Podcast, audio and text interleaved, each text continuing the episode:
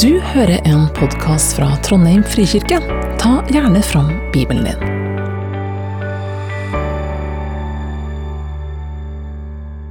Vi skal snakke litt om eh, et tema som eh, Marius han tok kontakt med meg. eh, basert på noe altså Jeg skriver Dagen er blitt ganske vidsynt, avisen Dagen. Så jeg kan skrive litt for de av og til. Så han, det var det som i hvert fall vi snakket litt om.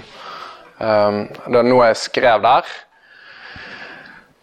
Som var forbundet med lidelse eller motgang. da. Nå skal vi se om jeg får opp denne her eh, eh, skal bare se. Hvorfor er vi så redd for lidelse? Titulerte det. Det var kanskje en litt rar måte å stille et spørsmål for det er jo liksom Ja, selvfølgelig kan det hende at noen tenker. Men det underliggende spørsmålet er jo da egentlig eh, eh, Hvordan forholder vi oss til lidelse? Og det, det som jeg skal forsøke å gjøre her, da, det er å ikke snakke så mye om lidelsens problem, men litt mer sånn, hva skal vi si, praktisk i en, eh, i en viss forstand. Hvordan forholder vi oss til lidelse? Fins det en kristen måte å se på det? Og da kommer vi ta utgangspunkt i den ortodokse kirkes eh, teologi og tradisjon. Og Da kan det kanskje være, si noe, og det kanskje noen av dere lurer på hva den ortodokse kirke er for noe. Um, den ortodokse kirke er jo Altså, Norge grenser til uh, tre land. Fysisk grense. Det er Sverige, Finland og alle som er i Forsvaret, vet at vi grenser til Russland. um, I både Russland og i Finland så er da eh, den ortodokse kirken, om ikke statsreligion, men er en av de privilegerte religionene. I Sverige er det flere ortodokse enn katolikker. Og i Norge så er vi da rett og slett det tre største kirkesamfunnet. Basert på eh, Altså utenfor Den norske kirke, basert på medlemmer eh, som er registrert hos eh, fylkesmannen. Men vi er da mange flere, egentlig. Så vi er faktisk tro det eller ei, men vi er faktisk en god del større enn Frikirken, f.eks.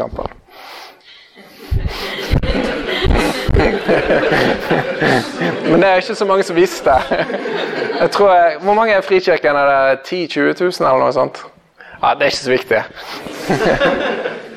men hvis dere er interessert da i, eh, i eh, For de fleste det må jeg bare si, de fleste ortodokse i Norge de er immigranter. De kommer fra Russland, eh, Romania, Hellas, Serbia, Bulgaria Midtøsten. Så det er en østlig form for kristendom som vi kanskje ikke vet så mye om. Men jeg, jeg er ikke kommet her for å snakke så mye om det. Eh, så hvis dere er interessert i det, vite mer om det, så kan dere heller gå inn på den nettsiden der, for der står det litt mer om det etterpå. Helligebebudelsen.no. Kan dere undersøke litt mer. Der er det ikke bare ting å lese, men også ting å se. Hvordan forholder vi oss til lidelse, sykdom og motgang? Um, oppløftende tema. Jeg tenkte vi skulle ta og begynne litt, da. Egentlig å stille spørsmålet hva er lidelse for noe? Da tenkte jeg vi skulle være litt sånn interaktiv. Er det noen som har eh, noen forslag? Jeg, er ikke, jeg er ikke ute etter rett, riktige svar, men du kan egentlig bare si det som faller dere inn. Når, når du tenker på lidelse, da tenker du på f.eks. Pine. Smerte, da, kanskje? Smerte. Du der bak. Stikk motsatt av fred. Ok? Ja, nei, men altså, det er ikke noe galt. Motsatt av fred. Det er ikke sånn teologikurs, det her, så det er ikke motsatt av fred. Men det er jo en slags smerte. Sorg, ja. ja. Sorg Noe som er vedvarende. Altså lidelse er vedvarende. går det an å Det blir jo ikke et Ja. Nei, men det, det, det er noe som pågår over tid. Ja, ja. Eh, Være alene, være ensom, mange støtte. Ensomhet. Skrive det? Ensomhet Jeg vet ikke om dere klarer å lese det her, men Tålmodighet, sa du det? Hvorfor sa du det? Kan jeg spørre om det?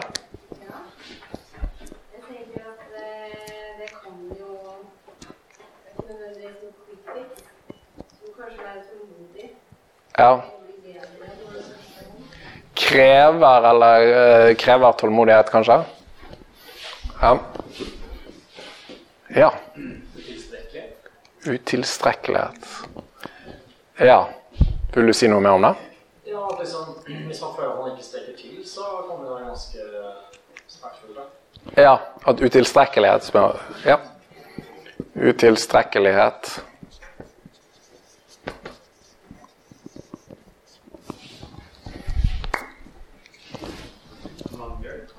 Mangel. Det er noe som mangler.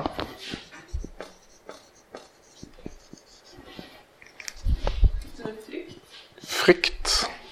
Ja. ja. Det var jo i tittelen. Redd. Hvorfor er vi redde? Det går jo an å kanskje være uenig med deg. Er- vi redd for lidelse?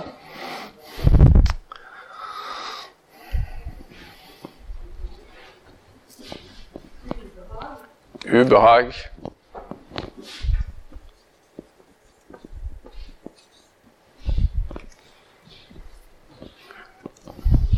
slags motgang som rett og slett gjør vondt, enten ytre eller indre.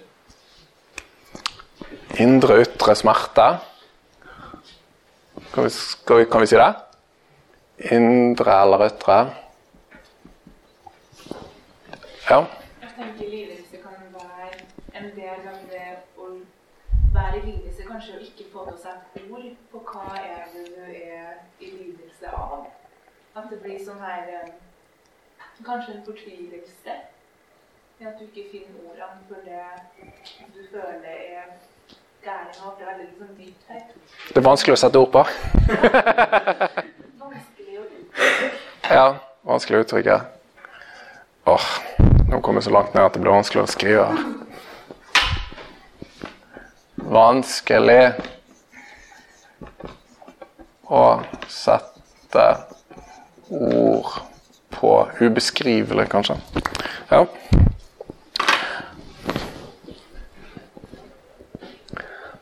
Det er jo egentlig veldig få ting her som er skrevet opp som er konkrete, da, men nå var det kanskje noe med måten jeg stilte spørsmål også på. Det er ingen som har sagt sykdom, f.eks.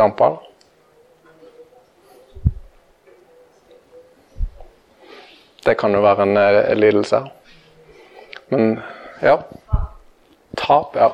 Tap, sorg, tap. Ehm, hensikten med det her var egentlig bare for å få oss til å eh, pensle oss litt inn på, på hva lidelse kan være for noe. Uh, I vår Altså, jeg kommer til Lidelse er jo noe som en gjerne kan kan uh, ha Altså bruk, altså Vi snakker om lidelsens problem, jeg vet ikke om dere har hørt om det, men altså en bruker det som en sånn innvending mot å tro på Gud. Eller hvordan kan, Gud, hvordan kan jeg tro på en god Gud som lar uh, onde ting skje når det er så mye lidelse i verden? Det er jo en sånn ganske sånn vanlig måte å så måte, Hvis Gud virkelig var til, eller hvis Gud virkelig var god, så ville han tatt vekk lidelsen. Det er jo da på en måte det som ligger premisset, ikke sant? Jeg skal ikke svare på det spørsmålet direkte, men jeg skal eh, presentere et lite paradoks. Det Paradokset det er at eh, de som lider lite, eller ikke så mye som ofte har den innvendingen De som virkelig lider, de syns ikke det er så problematisk, faktisk. Derfor så ser du at eh, i, når du skal ta fram en innvending mot Guds eksistens, så er det helst folk som har det materielt sett veldig godt, som uh, bruker det som en innvending mot Gud. Mens de som virkelig lider, har lite materielt sett, har tapt mye, uh, er fattige, f.eks. Fattigdom er en veldig konkret form for lidelse som skaper veldig mye uh, vanskeligheter for folk. Sykdom osv. Det er et lite paradoks. da. De som lider, de syns ikke det er så vanskelig å tro på Gud, men de som ikke lider, da. Og så jeg tror jo selvfølgelig det finnes ulike former for lidelser. at vi som, Jeg må jo være en reinspikka materialist hvis jeg tenker at vi som har et varmt hjem å komme, komme til og penger på bankkontoen, at vi at vi ikke lider også. Det, det, gjør vi, men vi har andre former for lidelse. Og der kommer jo nettopp, som en av dere sa, ensomhet fram. Det er en ganske sånn eksistensiell form for lidelse. Som blir mer og mer tydelig i dag. Det er jo Noen snakker om det som folkesykdommen. Og Det er noe som vi alle på en eller annen måte har en erfaring av. Hva det vil si å være aleine. Stå aleine. Ok. Hvor er Gud? Det er jo litt sånn lidelsens problem igjen, da. Kreftsyke barn.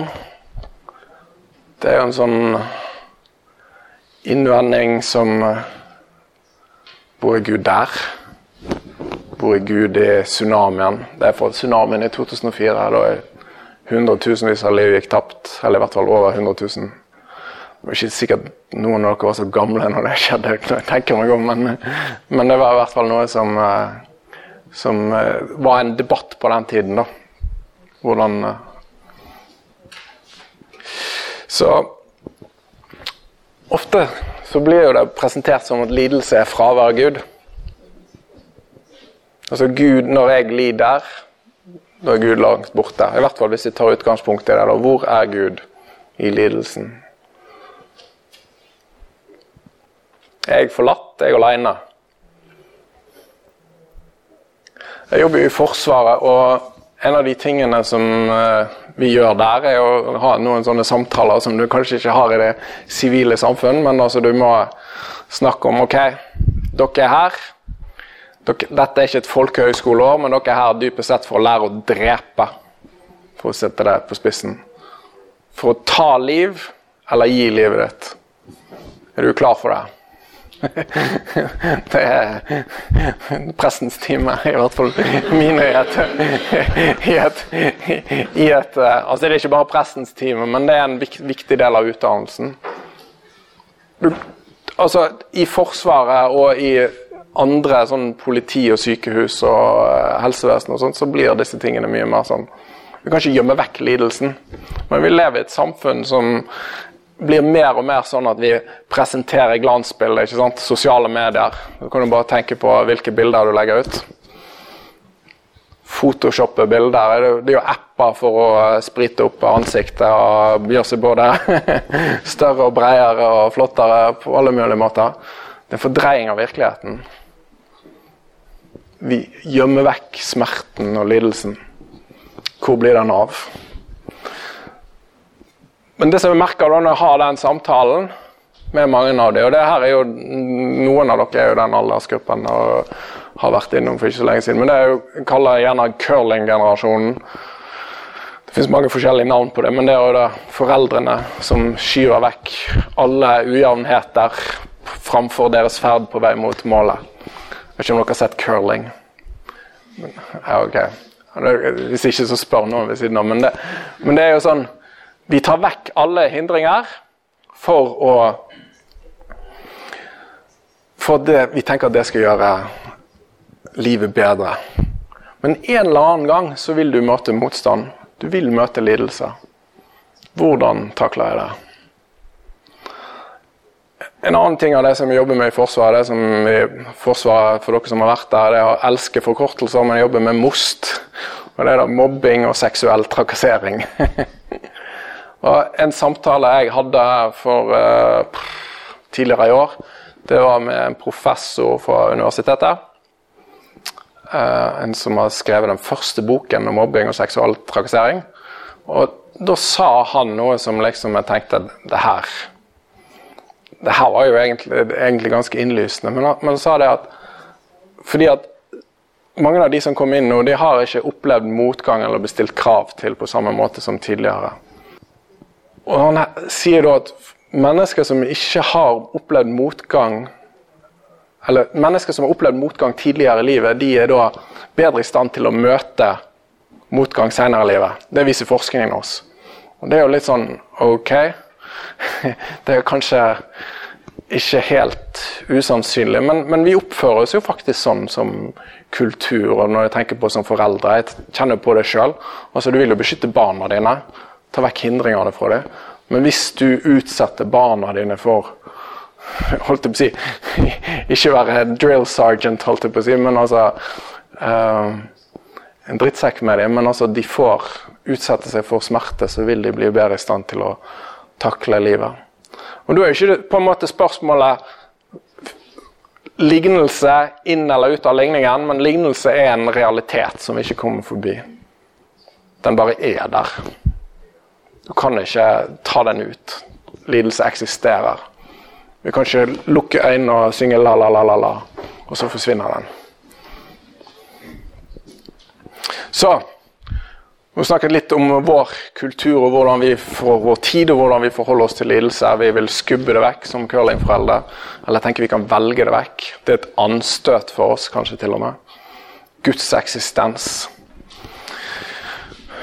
Når begynte jeg, forresten? Klokken Ti år. Ok, greit. Da tenkte jeg at vi skulle gå gjennom noen tekster da, for liksom Ok, sånn Det er i hvert fall om en del av oss som kan kjenne oss igjen i det.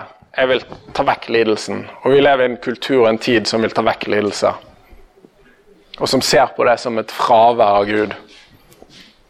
Men hvordan forholdt tidlige kristne seg til, eh, til lidelse? Stemmer det at dere har gått en sånn tema om apostlenes gjerninger denne høsten? her? Jeg, var, jeg, måtte inn og se liksom, hvem er den gjengen som inviterer meg på. så det er jo et bra La oss begynne der, da. I apostlenes gjerninger. Hvordan forholdt de seg til lidelse? Det, blir en del sånne uh, vers her nå, så det, kommer ikke til å kommentere alle så mye. Men det jeg kommer til å lese det. Så det her at uh, Peter og Johannes har vært for det høye råd. Og da hadde de blitt pisket. De lot dem piske, forbød dem å tale Jesu navn og slapp dem fri. De forlot rådet og gledet seg over at de var funnet verdige til å bli vanæret for navnet sjøl. Ok, hva er i veien med disse folkene her? De gledet seg over å bli vanæret for navnets skyld, altså for Jesu Kristi skyld. Høres det kristent ut? Her står det. Skal vi gå videre? Ok? Bergpreken. Salige er dere når de for min skyld håner og forfølger dere, lyver og snakker ondt om dere Gled og fry dere, for stor er lønnen dere har i himmelen. Snakk om lidelse der, gjør han ikke det? Form for lidelse. Derfor, her fra hebreerbrevet Når vi har en så stor sky av vitner omkring oss, la oss legge alt som tynger og synden som lett fanger oss inn, og med utholdenhet fullføre det løpet som ligger foran oss med blikket festet på ham som er troens opphavsmann og fullender, Jesus. For å få den gleden, for å få den gleden som ventet ham, holdt han ut på korset uten å bry seg om skammen, og nå har han satt seg på høyre side av Guds trone. Og jeg leser litt til. Ånden selv det er fra Romerbrevet. Dette er faktisk den teksten vi leser i dåpsliturgien i Den ortodokse kirke. Så det her Ånden selv vitner sammen med vår ånd om at vi er Unnskyld, ikke for dåpsliturgien, men det er litt senere. Uh, ånden selv vitner sammen med vår ånd om at vi er Guds barn. Men er vi barn, er vi også arvinger. Vi er Guds arvinger og Kristi medarvinger. Så sant vi lider med ham.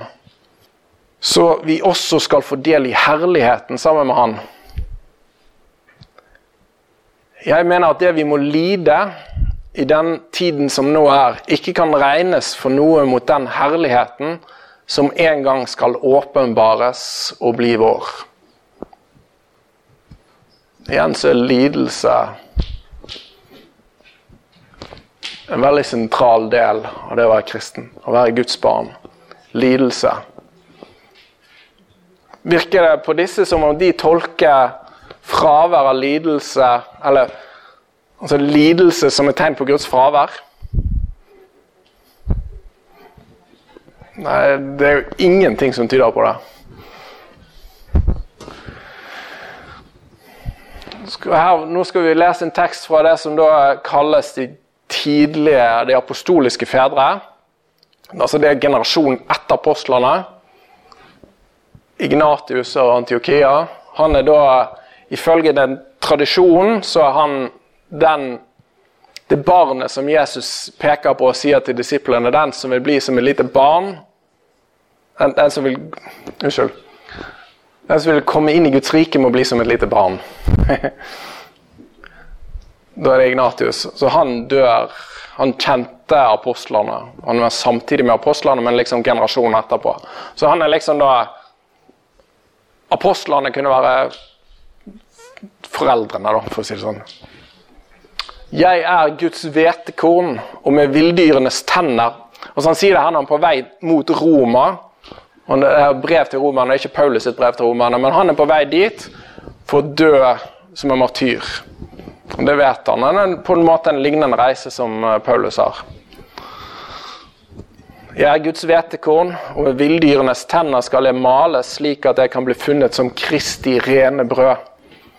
Jeg befaler dere, ikke lik Peter og Paulus, de er apostler. Jeg står under dom. De er frie, men jeg er ennå en trell.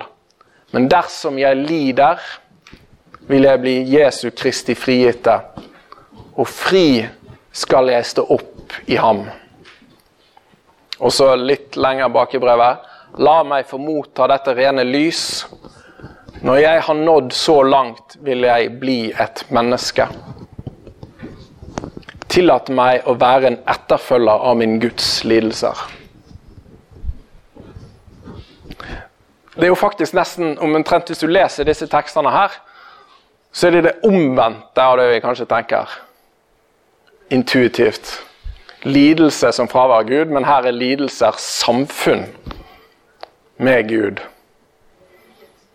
Altså, men altså Hvorfor? Hvorfor reagerer de slik? Hvorfor tenker de slik?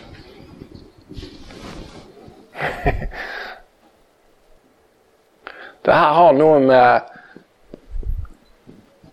med kjernen i evangelium Hva evangelium betyr for noe.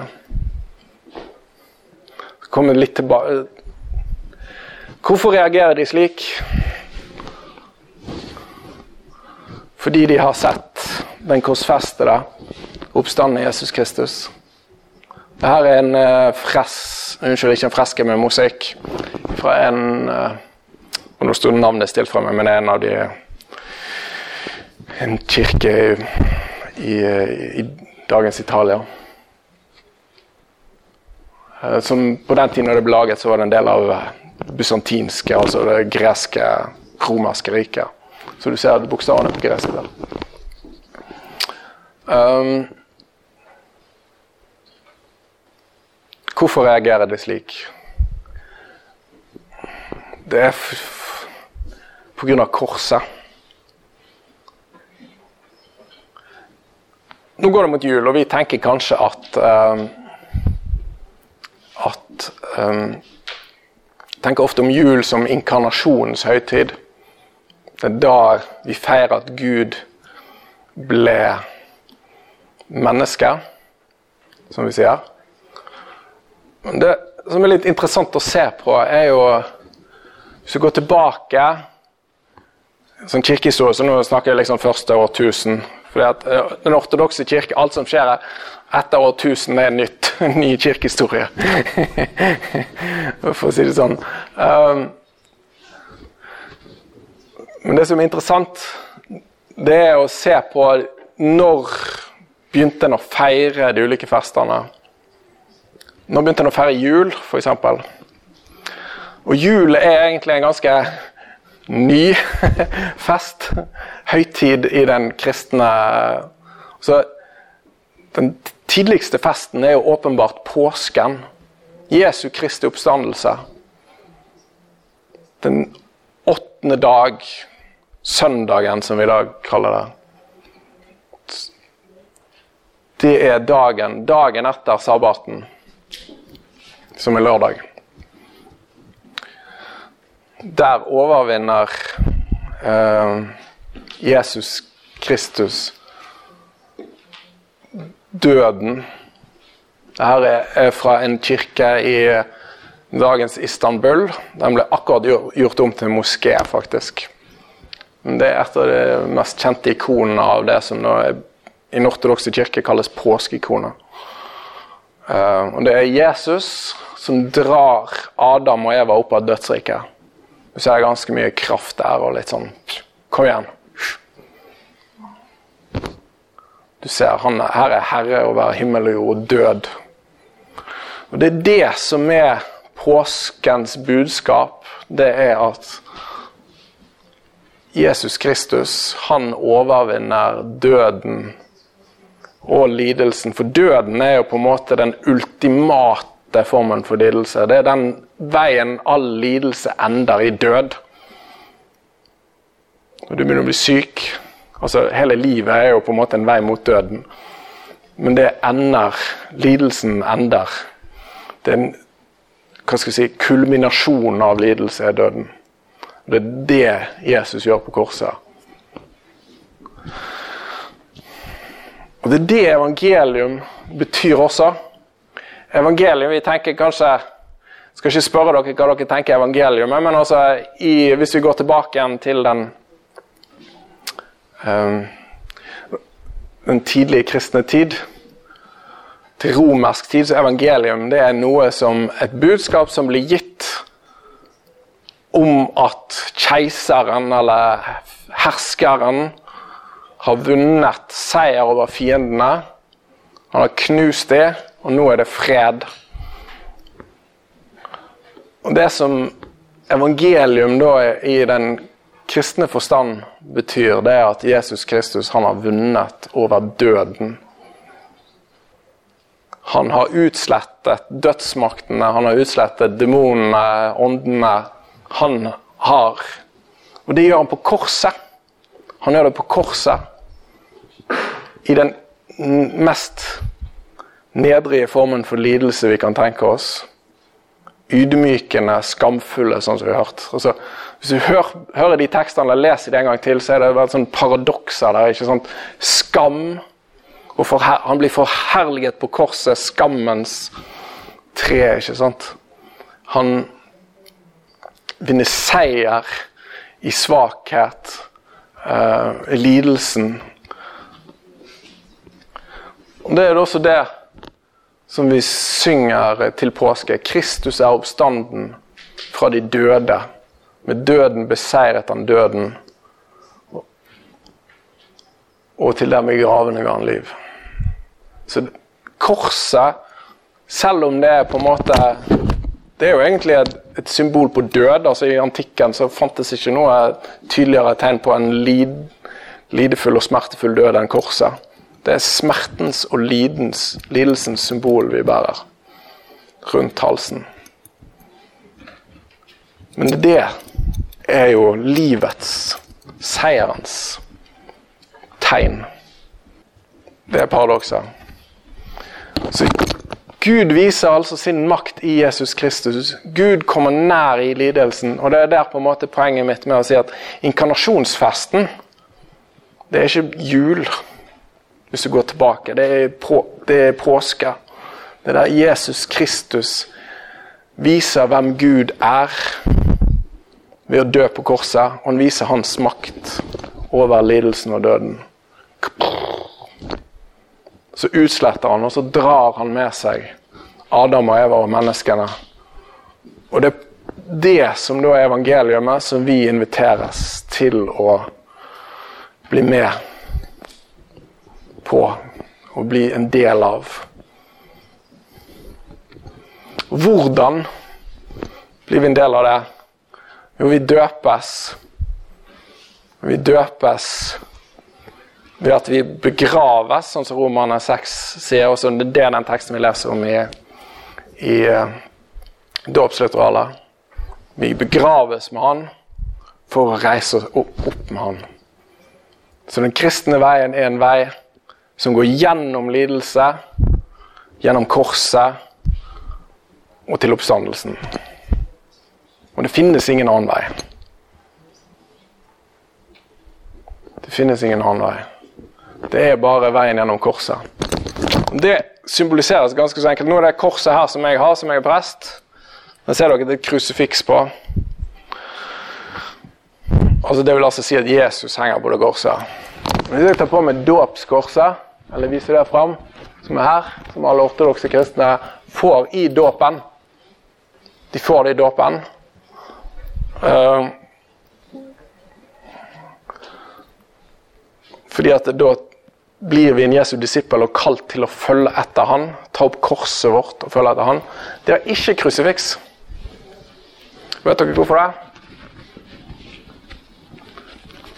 Det er fordi at eh, den som bærer det, som skal korfestes på det korset.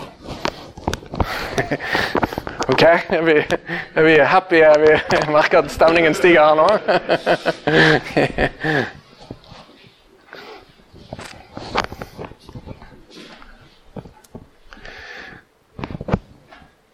Og det er jo også det, når vi tenker på martyrene Bare litt på tiden her, ja. Uh, martyrer er Martyr betyr vitne. Vitne om Jesus Kristus. Vitne er Kanskje så vi tenker at vi ofrer det for Jesus Kristus, men i det tidlige kristne litteraturen, og det ser vi til og med når det er litt interessant å si det i en by som Trondheim, for du ser det også i måten Hellige Olav blir presentert. Han blir presentert som en Kristusfigur. Og det tenker jeg liksom, ja, Her blander en sammen det er sånn stil og form og, og sånne ting. og det er middelaldersk osv. Det er en del av det. Men det her går helt tilbake til de aller første eh, helgenberetningene, martyrberetningene. er at i det mennesket som dør, og det er faktisk en, en kvinnes, den hellige Blandina, som dør. En sånn veldig sånn uh, tidlig beretning, uh, helgenberetning, utenfor kanonisk tekst, altså Bibelen. Så er det tydelig at det her er en som dør som Kristus. I hennes død så ser vi Kristus. Så lidelsen og døden blir da en, en, en måte å forenes med, med Gud i. Og Hvis vi skal snakke om Guds bevis i den tidlige kirke, så da snakker en ikke om sånne avanserte apologetiske krumspring som en kanskje holder på med i dag, men da snakker den hellige Atanasius, som er han som på en måte er arkitekten bak hva skal vi si, de kristologiske formuleringene Nå ble det litt avansert her, hører jeg. Men bak de første trosbekjennelsene. Altså, hva vil det si at Gud er menneske?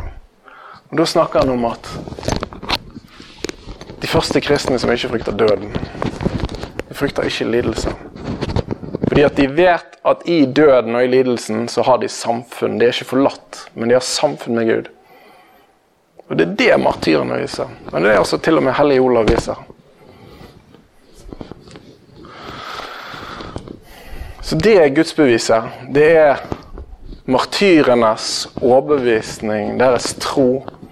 Det er ikke en sånn avansert filosofisk eh, bevis som man da senere i middelalderen eh, utvikler. Eh, og som kommer fram til i dag. Men det er noe som går på det indre. Det indre livet. I disse menneskene her så ser vi Jesus Kristus. Og Det er det som da er frelse i den tidlige, i den tidlige kirke og i Skriften sjøl. Det er foreningen med Jesus Kristus. Vi er forent med Han. Kan du bare lese gjennom Nye Testamentet hvis dere har gjort det noen gang, så kan dere se hvor mange ganger det står 'i Kristus'. I Kristus, i Kristus, i Kristus. Det er fordi at vi er, vi er frelst i Han og bare i Han. Vet dere ikke Og her kommer dåpsteksten, da, som jeg Romerne 6. Vet dere ikke at alle vi som blir døpt til Kristus Jesus, blir døpt til hans død? Vi blir begravet med ham da vi blir døpt med denne dåpen til døden. Og som Kristus ble reist opp fra de døde ved sin fars herlighet, skal også vi vandre i et nytt liv. Har vi vokst sammen med Kristus i en død som er lik hans, skal vi være ett med ham i en oppstandelse som er lik hans. Jeg er korsfestet med Kristus, skriver Paulus. Jeg lever ikke lenger selv, men Kristus lever i meg. I den tidlige kirke så snakker en om pås... Altså jeg vet ikke om jeg skal ta det resonnementet, forresten, det kan bli litt avansert, men i tidlig kirke så snakker en om, om påske, altså Kristus korsfestelse som skapelsesdagen. Det er den dagen verden blir skapt på. ok? Er dere mind-blowed nå? Og det, det, er jo Poenget er at er jo ikke at det ikke fantes noe før det, men da er skapelsen ferdig. Noen som har lagt merke til at Jesus sier på korset Hva sier en av de tingene Jesus sier på korset? Vi må se om jeg husker det. men jeg, Han sier 'det er ferdig'. Skapelsen er ferdig. Det som er Poenget da er at sånn som vi har vært litt oppe som Ignatius av Antiokia også sier mennesket Det er da mennesket blir ferdig skapt. Det første levende, ordentlige mennesket, det er Jesus Kristus. Han ser vi på korset. Der ser vi hva det vil være å si et sant menneske. Der ser vi hva det vil si Der ser vi hva kjærlighet er for noe. Der ser vi hvem Gud er i mennesket Jesus Kristus.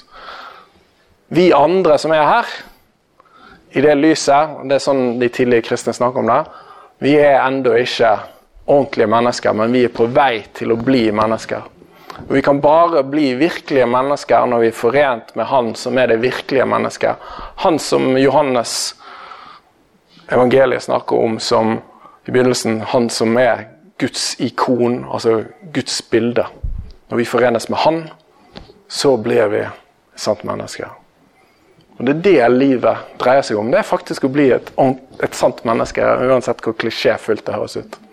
Men du kan bare bli et sant menneske i Jesus Kristus. Hvis du ikke gjør det, så er du på vei til å bli noe annet. Jeg har brukt litt eh, tid der, så jeg skal gå og hoppe over noe. Men jeg, jeg skal ikke gå gjennom hele den teksten, men poenget er at vår fristel, Jesus, fristelse Jesus blir fristet i Getsemane med å Han der La denne kalk gå meg forbi.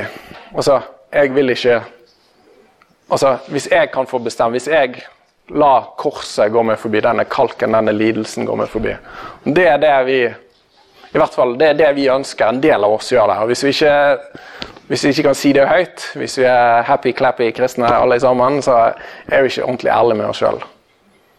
Da har vi egentlig ikke begynt på den kristne veien ennå. Da har ikke vi blitt kjent med hva som ligger i oss. Men det her er jo en utdrag fra Matteus 16, og det, poenget her er at Peter sier Han bekjenner først at Jesus du er Messias, den levende Guds sønn. Og så rett etterpå så sier han at når Jesus begynner å snakke om at jeg Ja, jeg er Jesus. Han, han sier det ikke, jeg bekrefter dem. Men han, han sier Han begynner å snakke om korset. Med en gang han har snakket om du er Messias, han har fått bekjennelse at du er Messias, så begynner han å snakke om korset. Og så sier da Peter det må ikke skje deg. Det her må ikke skje deg.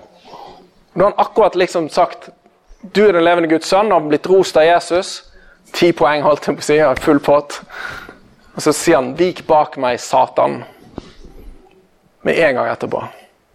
Fordi at Ikke la det her skje med meg. Ikke la det her skje med deg. Og Det er Jesu fristelse. Men det er også vår fristelse. Altså korsets vei. Og derfor så, og det her er, så går det videre, da. Så sier Jesus rett etter han har sagt det, 'Vik bak meg, Satan'. Den som vil følge etter meg, han må ta sitt kors opp. Følg etter meg. Den som vil følge etter meg, så ta sitt kors opp og følge etter meg. Det er den bønnen en ortodoks prest sier hver gang han tar på seg korset. Den som vil følge etter meg, han må ta opp sitt kors og følge etter meg. Det er den Gud vi snakker om, og det er den Vi som vil ha samfunn med Han, vi som kaller oss kristne Kristne kommer av det, det greske ordet for Messias. Vi er salvet. Vi er også kalt til å ta opp vårt kors og følge etter Han. Til å gå lidelsens vei. Uh, skal jeg hoppe uh, Ja. He who wants to be an imitator of Christ. Jeg fikk ikke tid til å oversette det. Det er Makarius i det fjerde århundret, tidlig i kirken. He who wants to be an imitator of Christ, so that he too may be called a son of God, born of the Spirit, must above all courageously and patiently bear courageously and patiently the afflictions he encounters, whether these be bodily illnesses, slander, vilification from men, or attacks from the unseen spirits. Without testing of Christ's suffering with understanding, without with understanding of their significance, the soul will never be in communion with him. Så hvis, du, hvis vi rømmer fra lidelse, da kan vi ikke ha samfunn med Jesus Kristus. Og Det er nettopp under den forutsetningen av at i lidelsen, i det mørkeste punktet som vi kan tenke oss, det er der vi møter Jesus Kristus. For han har vært der. Han har vært, som vi har sett, i dødens dyp. Han har vært på korset. Det betyr at det finnes ikke noe sted et menneske ikke har vært. Et mørke, et dyp, der Gud ikke allerede har vært og der han drar de opp. Det vil altså si at i lidelsen så har vi håp. Vi har håp fordi at Gud er der, fordi han har vært der før oss, og fordi han vil dra oss opp derifra. Det er veien til Gud går nedover. Den går nedover, og så blir vi dratt opp. Det er Kristus som løfter oss opp. Det gir håp. Hvis lidelse er noe vi må utrydde for at Guds rike skal komme på jord, da hva med de som lider i dag? Hva med de som led i går? Hva med de som skal lide i morgen? Hva med deg? Det du skal lide? Er Gud vekke hvis du lider? Hvis du mister noen? Hvis du blir syk? Hvis du ikke blir suksessfull? Er Gud borte da? Det gir håp for alle, for alle kommer til å lide. Alle kommer til å dø. Og det er den veien Gud har åpnet for at vi skal komme til Han. Det er den veien som alle er nødt til å gå. Det er dødens vei, og som alle kan gå. Kristendommen er ikke en religion for de vellykkede, men kristendommen er en religion for Det er troen på Jesus Kristus som har vært i helvete, som har vært i døden, og som ødelegger det.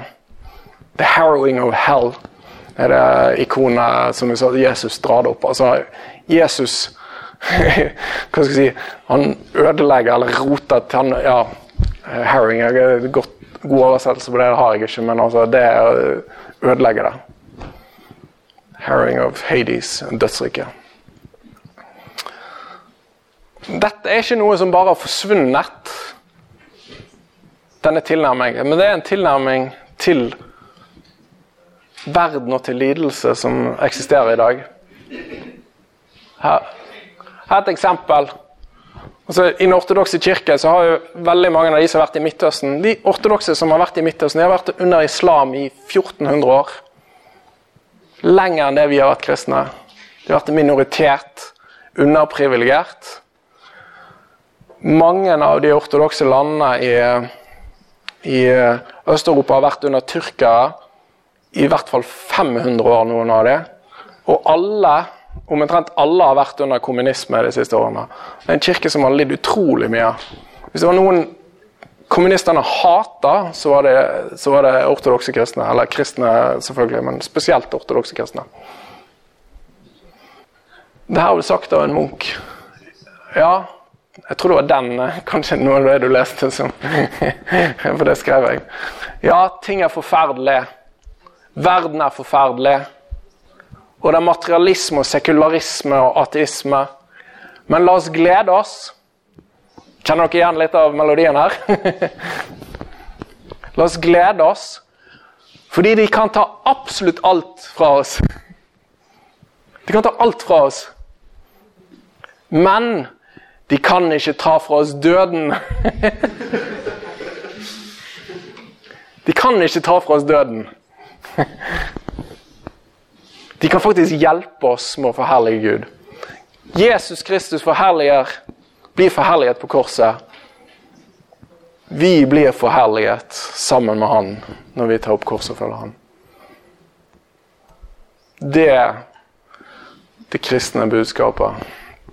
Så lidelsen er et kall til omvendelse. Og det er sånn ofte rent sånn praktisk, det er det rådet, eller det som blir sagt, som de hellige fedre og mødre gir. De som har vandret, altså Hellige fedre nå bruker jeg ord her som kanskje ikke dere er så vant til, men altså det er de som de hellige altså, Det vil altså si de som er nærme Gud, de som har kjenner Gud, de som Gud, Jesus Kristus har tatt skikkelse i. For en helgen er noen som Jesus Kristus har tatt skikkelse i. Når vi møter de, så ser vi Jesus Kristus. Da møter vi Jesus Kristus fordi han har tatt skikkelse i dem, sånn som disse tekstene har snakket om.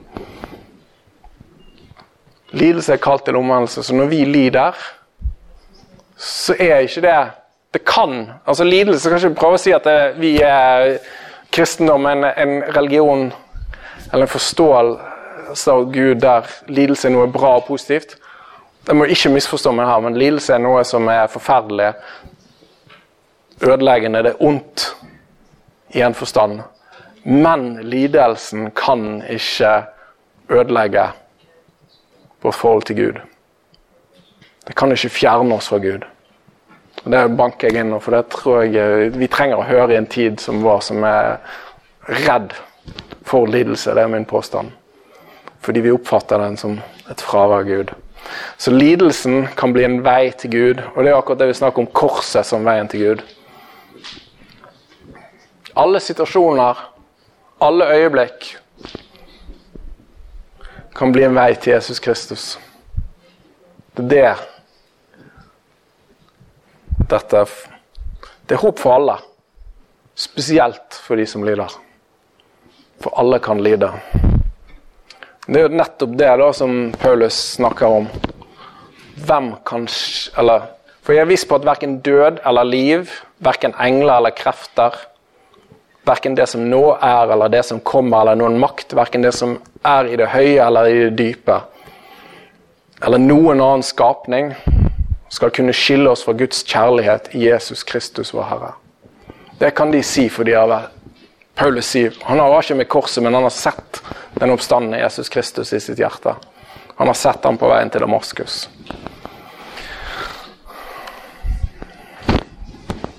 Hvis jeg nå um, Korsets vei er kjærlighetens vei. Det er noen sånne paradokser her, da, kan du se. Jeg vet ikke om noen av dere Hvis dere skal sette dere ned og fortelle meg hva kjærlighet er for noe Er det noen her som er imot kjærlighet, forresten? Så alle, alle får kjærlighet, men hva er kjærlighet for noe? Til og med i vår kultur den dag i dag så er kjærlighet forbundet med offer. Var, det er noen år siden nå, da, men det er sikkert noen av dere som har sett Frozen. Det er lov å si ja. Jeg, jeg, jeg unnskylder meg med at jeg så den med barna mine. Frost heter den på norsk. Det er en Disney. Men plottet i den filmen der Vet du hva det er? Ett av det. Spørsmålet der er hva er kjærlighet for noe? Har dere tenkt på det?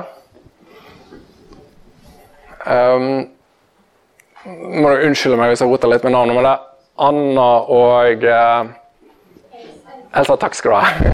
Du er, ikke, du er en stolt uh, Frost-fan.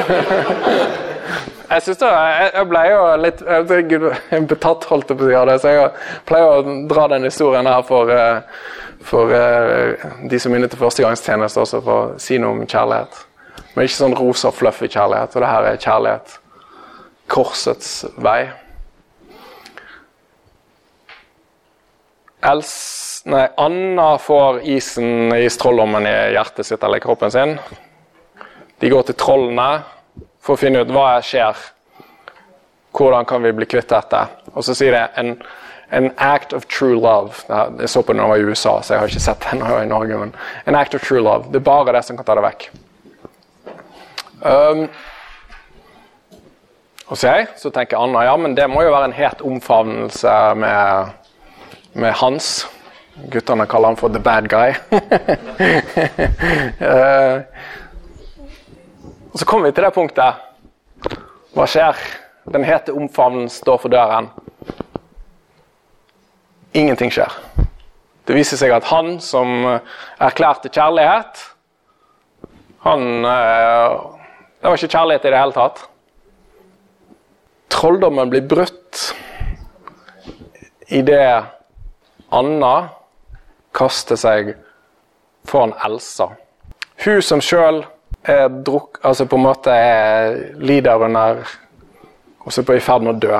Kaster seg foran sverdet som skal gå gjennom Elsa. Stemmer ikke det? Ja. Da brytes trolldommen. Hun ofrer livet sitt. Og det er min påstand, da. Jeg pleier å si til, til, til uh, de som begynte førstegangstjeneste sa Kjærlighet uten offer, det er ikke kjærlighet. Altså, kjærlighet er alltid offer. Det innebærer alltid død. Det er noe i deg som måtte dø for å gi plass til noen andre. Og da tenker jeg ikke sånn liksom, død som at det er sånn destruktivt at alt vekk, vekk, med alt som er deg, men den delen av deg som, skal, som må vekk, er jo den delen som ikke har plass til noen andre. Den selvopptatte Altså det som vi egentlig kaller synd. da. Synden må vekk. Og det er det som begraves med Kristus. I lidelsen, i døden. Så blir vi reist opp igjen han, til det sanne mennesket. Det mennesket som er fullt av, av ånden. Det salvede mennesket Jesus Kristus med åndens frukter. Så den som vil elske, som er det, vi er enige om at alle er det høyeste, den vil også måtte lide. Det finnes ingen vei, og det er jo korset. Gud er kjærlighet. Hvis du vil elske noen, hvis du vil gi Holdt på å si Og det er jo det. Derfor så er jo på en måte Ekteskapet da, jeg snakker jo i Efeserbrevet 6 om som troens mysterium. I Den ortodokse kirke så blir den kronet med kroner, og så går en rundt et bord som står midt i kirken. Og Så synger en det som en kaller martyrenes sang, mens en går med de kronene. Det er det. Ekteskapet er et martyrium.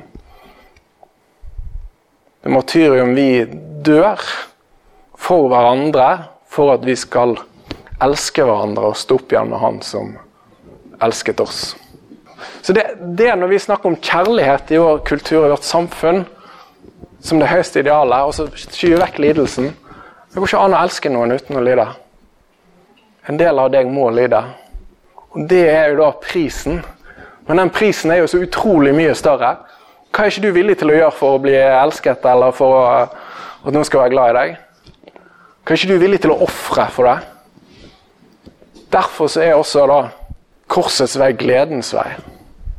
Det er den som gir virkelig glede. Du må bli befridd fra deg sjøl, fra den delen av deg sjøl som må dø, for at du skal bli reist opp igjen og bli det sanne mennesket med Jesus Kristus. Så Betyr det da at jeg må utslette meg sjøl? Må liksom dø alt? Skal jeg sette meg på eh, et nes og be, holdt jeg på å si, eller må jeg, må jeg, skal jeg ta livet mitt sjøl? Selvmord, er det det som er løsningen? Det er jo en materialistisk måte å tenke på det på. Men det er Det er å la det gamle mennesket i oss dø for at vi skal stå opp med Jesus. Og Det gjør vi med å, som det som en kanskje kan praktisere den lille død. Den lille død. Det er det som gjør når vi praktiserer kjærlighet også. Du kan gjerne snakke høyt om kjærlighet og lese dikt, og sånne ting, men jeg tror ikke kona eller mannen eller den du er glad i, blir så glad i deg, kjæresten din. Blir så glad i deg hvis du bare sier noe. Kjærlighet som bare er ord, betyr ingenting når det kommer til stykket. Men du viser kjærlighet gjennom å sette den andre foran deg sjøl. Gjennom å Når du har barn, så blir det i hvert fall veldig mange veldig konkrete anledninger til å praktisere kjærlighet til å sitte litt oppe med barnet når det har vondt i magen eller må på do, når du våkner om natten, når du skal bytte bleie, ta oppvasken. Det er sånn du viser at du er glad i noen. Og Det har vært en del av deg dør. Den delen av deg som hadde lyst til å gå ut og gjøre noe annet istedenfor. Den delen av deg som hadde lyst til å sove istedenfor. Så vi kan dø med Kristus, praktisere den lille død, i forberedelse til den endelige død som er inngangen inn i Guds rike. Gjennom den endelige og siste død. Den her synger vi hver søndag. Eller i hvert fall presten, sier han. For ved glede har det kommet. For ved korset har det kommet glede til hele verden. Og Det er jo også noe av det som hebreerbrevet snakker om. For den glede som ventet ham, utholdt han korset. Du kan ikke bli virkelig glad. Virkelig, virkelig glad det er det kristne evangelium eller budskap før du er blitt satt fri.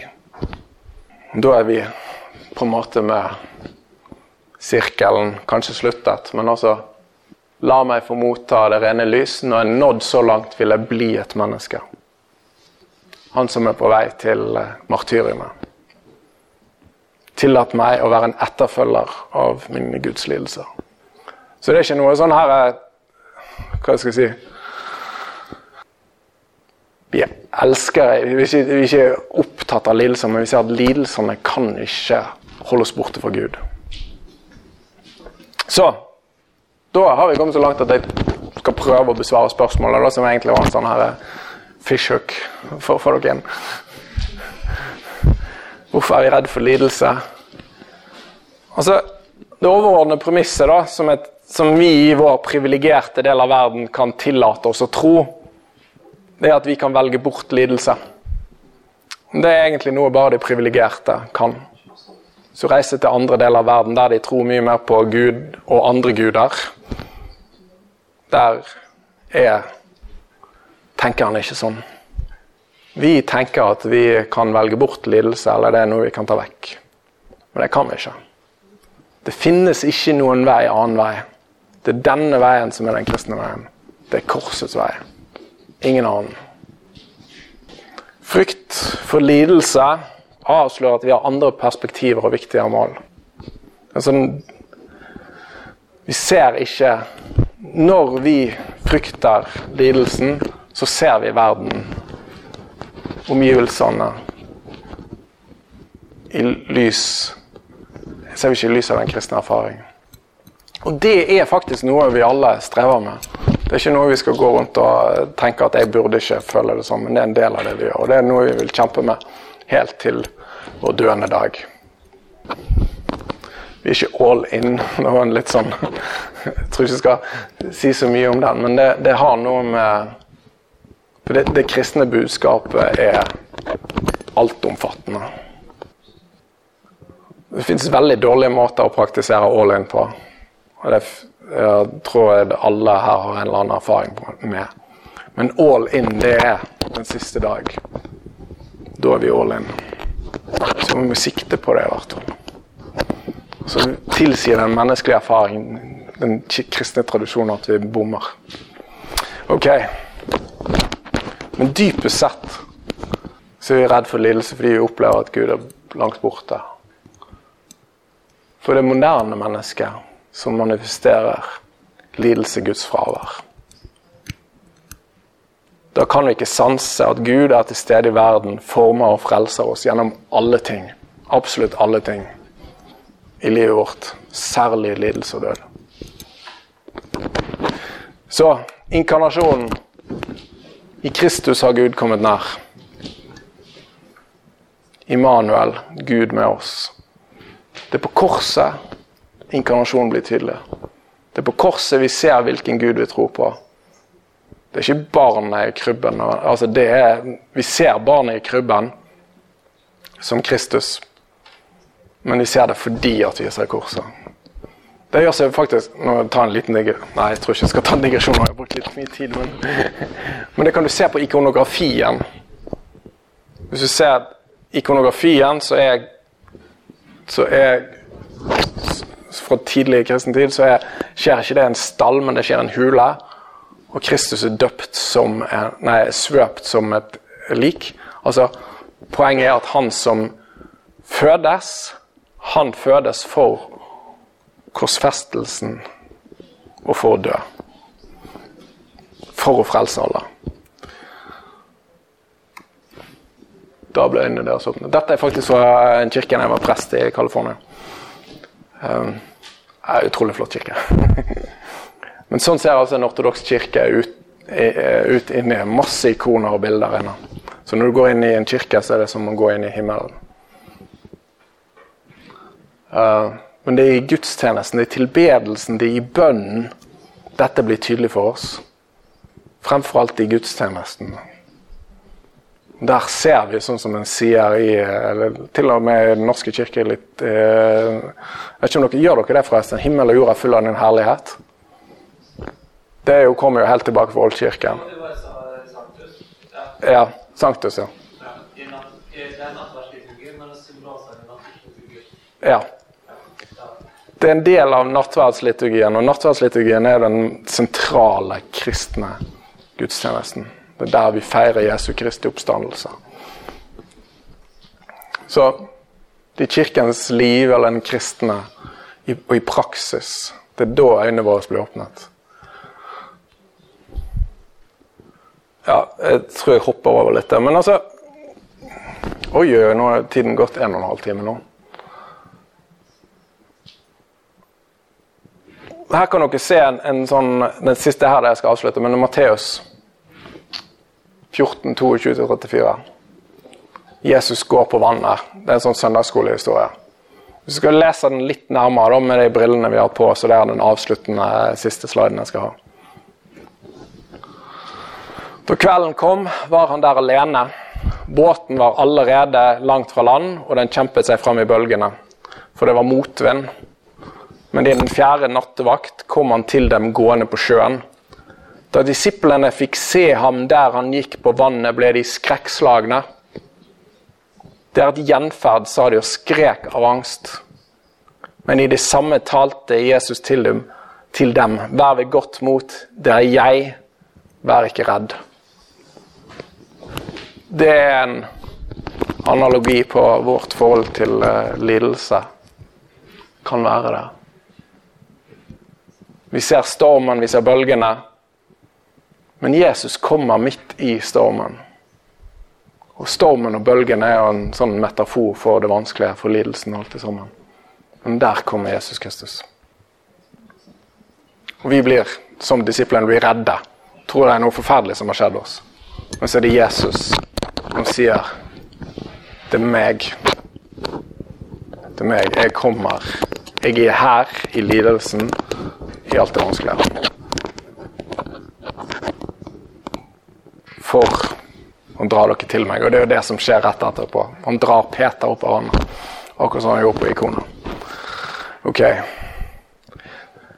Da har jeg eh, sagt det jeg tenkte å si.